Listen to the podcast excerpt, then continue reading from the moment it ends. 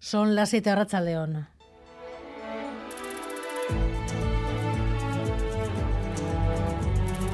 Gambara con Arancha García.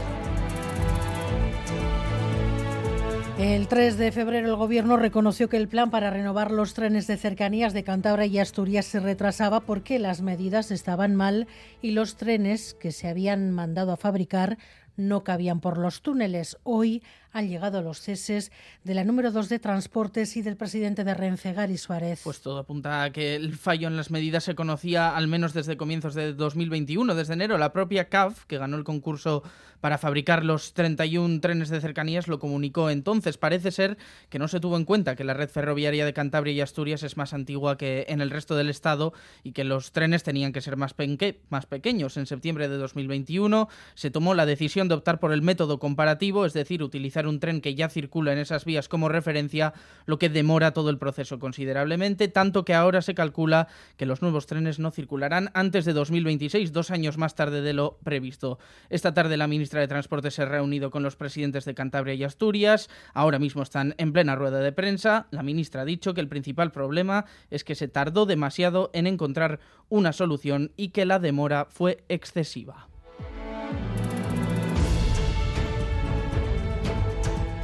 De momento tenemos muy pocos datos, solo que un nuevo terremoto ha sacudido esta tarde una de las zonas más afectadas por el temblor de hace dos semanas. Ha ocurrido hace apenas una hora, John Fernández Moro. Efectivamente, cuando Turquía trataba poco a poco de comenzar a reconstruir tras los tremendos daños personales, más de 40.000 fallecidos y daños materiales descomunales provocados por los temblores de hace hoy dos semanas, esta tarde, hace unos minutos, poco menos de una hora, otro terremoto de 6,4 grados de magnitud ha sacudido una de las provincias más afectadas la de Hatay, y el temblor se ha sentido también en los países vecinos. Aún, eso sí, no disponemos de datos sobre posibles nuevos daños o víctimas que pueda dejar este nuevo seísmo. Seguimos pendientes por si hubiera más novedades. John, ni ha sido un secreto hasta el último momento, aunque se confirma que Moscú estaba informado del viaje.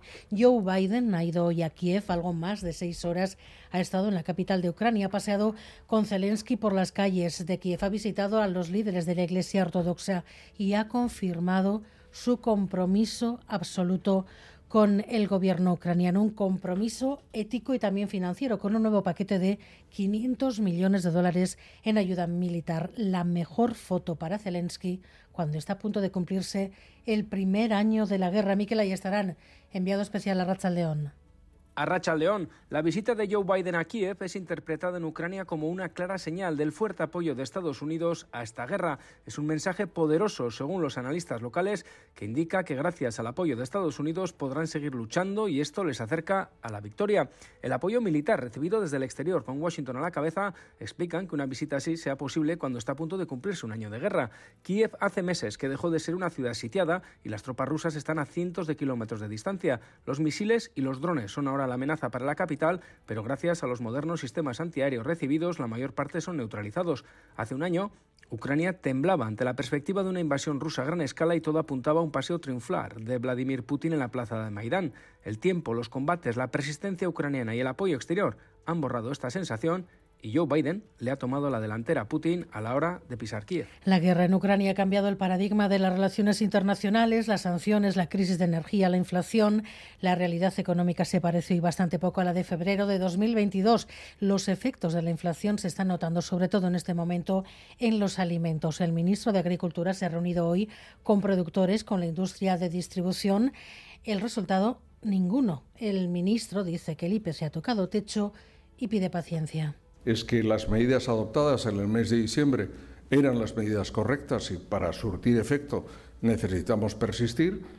Yo creo que la paciencia es una buena virtud y hay que aplicar también la paciencia y la determinación para que esas medidas tengan resultados prácticos con la coloración. la, desanexión de Usán solo sigue adelante. El Tribunal Superior de Justicia ha rechazado las medidas cautelares solicitadas por la abogacía del Estado. O sea que el proceso sigue adelante. Lo primero con la creación de la gestora que estará al frente del ayuntamiento. Ahora queda inscribir el municipio en el registro de entidades locales y la previsión es que el Estado se oponga, pero de momento el primer obstáculo se ha salvado y Usán Soloerría pide que se sigan dando más pasos y desde aquí aprovecho a pedir a la Diputación Foral de Vizcaya que cumpla con sus obligaciones y responsabilidades y componga la comisión gestora a la mayor brevedad.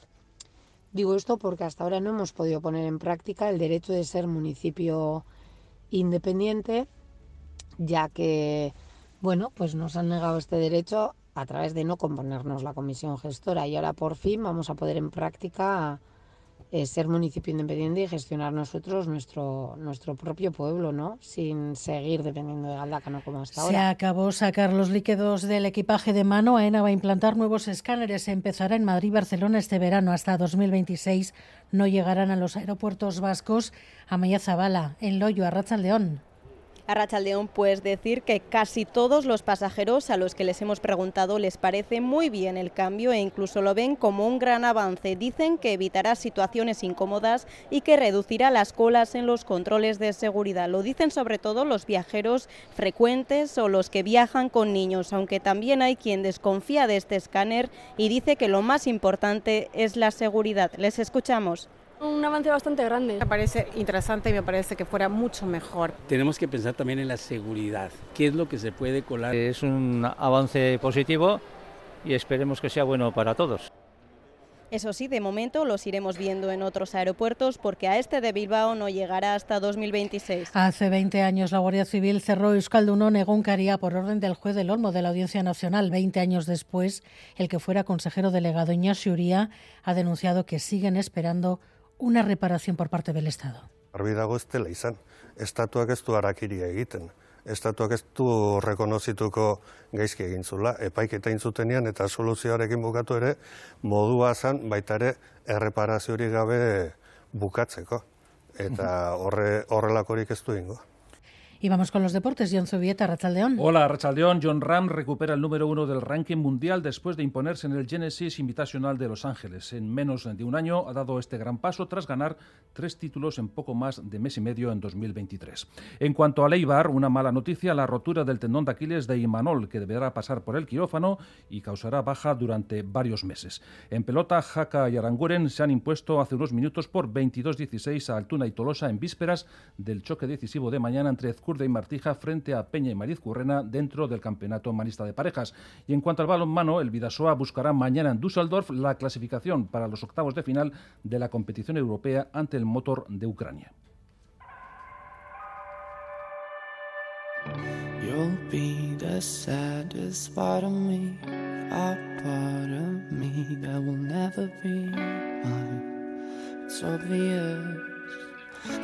Indignados e impotentes, la familia de Santi Cocanús explica que uno de los acusados de la agresión que le causó la muerte está en paradero desconocido. A dos semanas de que se inicie el juicio, Santi, 17 años, murió tras ser apaleado por seis jóvenes a la salida de una discoteca en San Sebastián. David Beramendi. La familia de Santicoca, el joven donostiarra de 17 años que murió tras una brutal paliza en el exterior de la discoteca GU de San Sebastián, está indignada. En vísperas de que arranque el juicio, uno de los seis encausados ha desaparecido. En libertad provisional debía presentarse cada 15 días ante el juzgado, pero ha dejado de hacerlo y nadie sabe absolutamente nada de él. La audiencia de Guipúzcoa ha emitido una orden de busca y captura. Si no aparece, será declarado en rebeldía. Fátima, madre de Santi, en declaraciones ETV. Tienen que hacer una reflexión y cambiar, o sea, toda la normativa que tengan, todas las leyes que tengan, porque es la tercera vez que se escapa. Un chico que encima nos ha estado amenazando también y hemos tenido que estar en vilo y hemos tenido que hacer muchísimos cambios en nuestra vida. Santi Falleció en 2019, una madrugada en el exterior de la discoteca GU. En el seno de una discusión, los seis acusados comenzaron presuntamente a agredirle con puñetazos y patadas. Santi quedó inconsciente, pero continuaron con la agresión. El joven tuvo hemorragia cerebral y tras dos días murió en el hospital. El juicio arranca dentro de 12 días. Fiscalía y acusación particular piden 20 años de prisión para cada uno de los encausados. La entrevista con Fátima, madre de Santi, y con su hermano Iker, testigo de los hechos, mañana en los informativos Gauregún y Teleberry.